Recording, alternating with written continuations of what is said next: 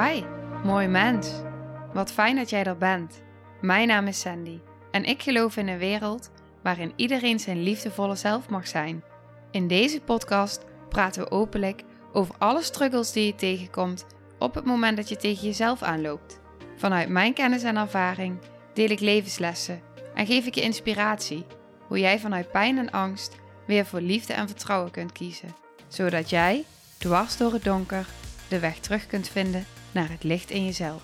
Welkom bij de Liefdevolle Strijder Podcast.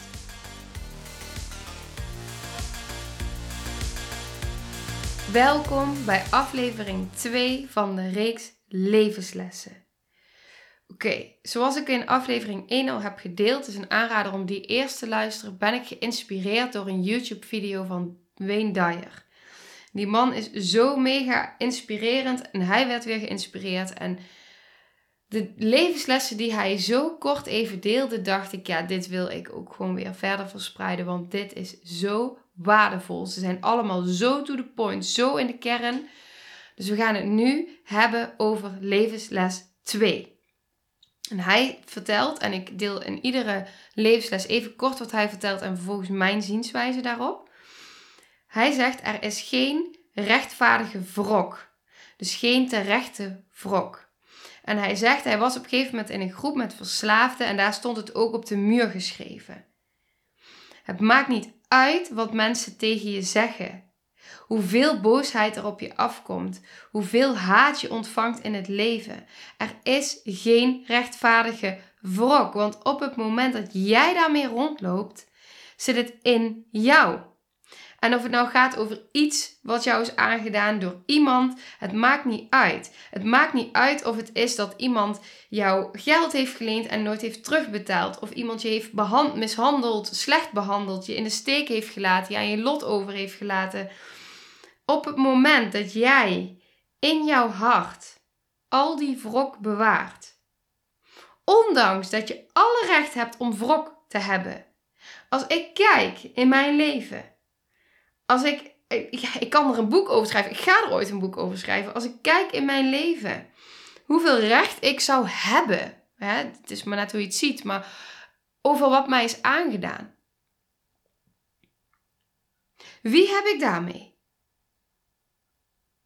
Wie heb ik daarmee op het moment dat mijn hele hart vol zit met wrok en met, met woede en met boosheid over degene die mij pijn hebben gedaan? Want wat er dan gebeurt is dat er in mij, dus als jij hierin herkent, in jou een gevoel van wanhoop wordt gecreëerd. In jou. Het zit altijd in jou. Luister levensles 1. Het zit altijd in jou. En hij heeft vervolgens een voorbeeld. Ik hou van die voorbeelden, want ook dit voorbeeld gaf mij ook weer de, uh, ik moest meteen weer denken aan een ander voorbeeld die ik ook met je ga delen, die ik zo inspirerend vond en me altijd is bijgebleven. En dat ik echt dacht, dit kan niet, dit, dit, dit, dit kan niet. En toch geloof ik dat het wel kan. Dus ga ik het met je delen. Zet je voelsprieten open. Komen er nog meer levenslessen die hierop ingaan. Maar voor nu. Oké. Hij zegt, het voorbeeld, niemand gaat dood van de slangenbeet zelf. De slangenbeet gaat je niet doden. Je kan niet meer ongebeten zijn. Op het moment dat je gebeten bent, kun je niet meer ongebeten zijn. Zo is het ook met pijn. Je gaat niet dood van dat wat jou wordt aangedaan op dat moment zelf. Tenminste, als je niet wordt vermoord, ga je er niet dood aan. Maar op het moment dat het je wordt aangedaan, kan het niet meer ongedaan worden. Het is je aangedaan, het is er. En hij zegt vervolgens: Het is het gif dat door jou heen gaat na de bijt, wat ervoor zorgt dat het je vernietigt. En dat is dus ook met dit.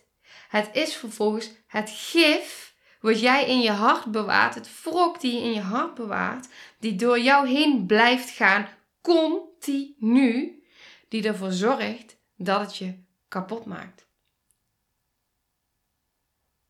En dan hoor je mij niet zeggen dat het er niet mag zijn. En je hoort mij ook niet zeggen dat het niet mega heftig en intens kan zijn wat je is aangedaan en hoeveel het is geweest en hoe moeilijk het is. Dat hoor je me echt niet zeggen, want ik weet het, ik herken het. En als je me langer luistert, dan weet je dat ook. Als je me langer volgt. Dan weet je dat ook. Dan weet je dat ik je voel hierin en dat ik het herken. Maar tegelijkertijd is het aan jou hoe je daar uiteindelijk mee verder gaat. Het is aan jou om een keuze te maken. Het is aan jou om een beslissing te maken. Wat ga ik hier nu mee doen? Blijf ik hiermee rondlopen? Blijf ik hier alleen mee? Blijf ik in die wrok? Blijf ik in die woede? Blijf ik in die pijn? Of ga ik ervoor kiezen om mezelf te helen? En vertrouw ik erop dat het juiste op mijn pad komt, dat ik ondersteund word door het universum, dat ik geleid word, dat de juiste dingen op mijn pad komen op het moment dat jij de keuze maakt dat je jezelf wilt gaan helen hiervan. Dus dat je de keuze maakt dat je eruit gaat stappen. Dat je niet blijft in de pijn waar je in zit. Maar dat je bereid bent om te gaan helen, om te gaan voelen. En alleen die bereidheid maakt al zo'n ongelooflijk verschil. Het maakt dat er ruimte ontstaat. Het maakt dat je hart zich meer kan gaan openen. En het maakt dat het juist op jouw pad kan komen. Omdat je ineens voor iets anders kiest. Dus je straalt een andere energie uit. Je kiest voor een andere vibe. En dan komt dat op jouw pad wat jij nodig hebt om jezelf te helen. Het gaat altijd over jezelf helen. En mensen mogen met je meevoelen, mensen mogen met je meekijken, mensen kunnen juiste dingen zeggen, ze kunnen, nou, er voor je zijn. Maar het zit in jou. Les 1. Het zit in jou. Oké, en ik wil deze eh, afsluiten met iets super moois. Ik pak hem er even bij. Het is het boek van Wigert Meerman. Dat boek heet Op zoek naar antwoorden. Een verhaal over innerlijke vrede mega inspirerend boek. En in dat boek uh, vraagt hij op een gegeven moment, en ik wil dit aan je voorlezen, omdat toen ik dit las, dacht ik echt: wow, dit is, dit is zo'n andere manier van leven. En dit is zo inspirerend. En dit wil ik met je delen. Hij vraagt aan een shamaan. Hij is um, in een inheemse stam in de Amazone. En dat stamhoofd laat hem deelnemen aan uh, rituelen, waaronder dus um, ehm, 40 dagen lang, als ik het goed zeg, het is even geleden dat ik hem heb gelezen, ayahuasca drinken. Ja, 40 dagen lang ayahuasca drinken. Uh, en al zijn eigen demonen onder ogen komen. Nou, hij heeft daar dus een boek over geschreven. Echt een aanrader op het moment dat je dit interessant vindt. Echt een prachtig boek. Het gaat echt over persoonlijke ontwikkeling, over shamanisme, over plantmedicijnen, dus ayahuasca, en over spirituele groei. En hij, leest, hij, hij, hij vraagt op een gegeven moment iets en dat wil ik even aan je voorlezen. De avond is gevallen. Vuurvliegjes geven het bos een magisch tintje. Ze lichten op als elfjes in een sprookjesbos. Ik kijk naar het donkere bos en vraag me af door welke dieren wij in de gaten gehouden worden. Iksa, ben je wel, dat is de, de shamaan, ben je wel eens gebeten door een giftige slang? Of het stamhoofd, sorry. Sorry. Iksa, ben je wel eens gebeten door een giftige slang? Ja, antwoordt hij, trots wijzend naar diverse littekens op zijn handen. Vijf keer in totaal. Hoe heb je dat overleefd dan? Je bent hier dagen verwijderd van een medische post. Overleven is hier niet gegarandeerd. In de jungle is geen ziekenhuis of een antigif. Als je gebeten wordt, is je enige optie dat je kalm en positief blijft. Je zal het gif moeten respecteren. Na een aantal dagen rust zal het vanzelf uit je lichaam verdwijnen. Maar hoe dan? Dat is onmogelijk. Op National Geographic Channel zie je altijd dat spoedeisende hulp noodzakelijk is bij slangenbeten.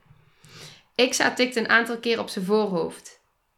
Het is niet het gif dat dodelijk is, het is de angst die het gif activeert. Om maar even te spreken van hoe krachtig onze mind is. Hoe krachtig wij zijn. En hoeveel invloed onze manier van denken, onze angst of onze liefde, onze manier van kijken naar een situatie, op onze manier van omgaan met de situatie, onze manier van, nou, dat.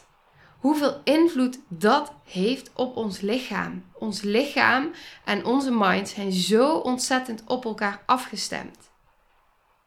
Je hebt zoveel meer kracht en invloed dan je denkt. Je bent zoveel sterker dan je denkt en je kan zoveel meer dan je denkt.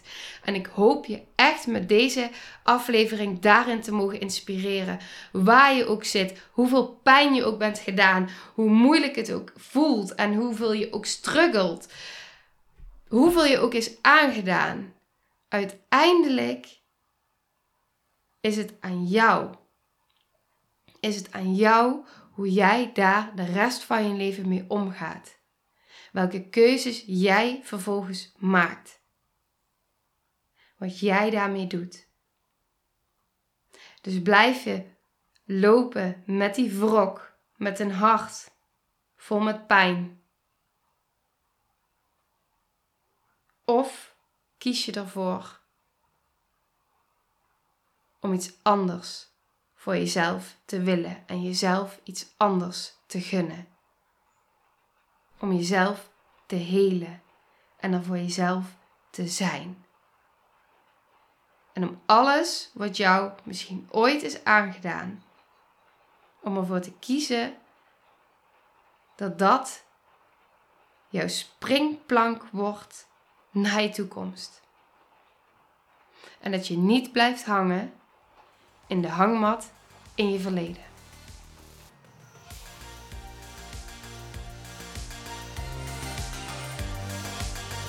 Nou, lieve mensen, ontzettend bedankt voor het luisteren. Ik ben heel benieuwd wat je van de aflevering vond en welk inzicht je eruit hebt gehaald. Mocht je nog vragen hebben of is er een onderwerp waar je meer over wilt weten, laat het me dan weten. En wie weet neem ik het mee in een van de volgende afleveringen. Als je het leuk vindt, kun je de aflevering delen of maak een screenshot en tag me op Instagram. Want ik vind het echt super tof om te zien wie er luistert. De link van mijn Instagram staat in de beschrijving bij de podcast.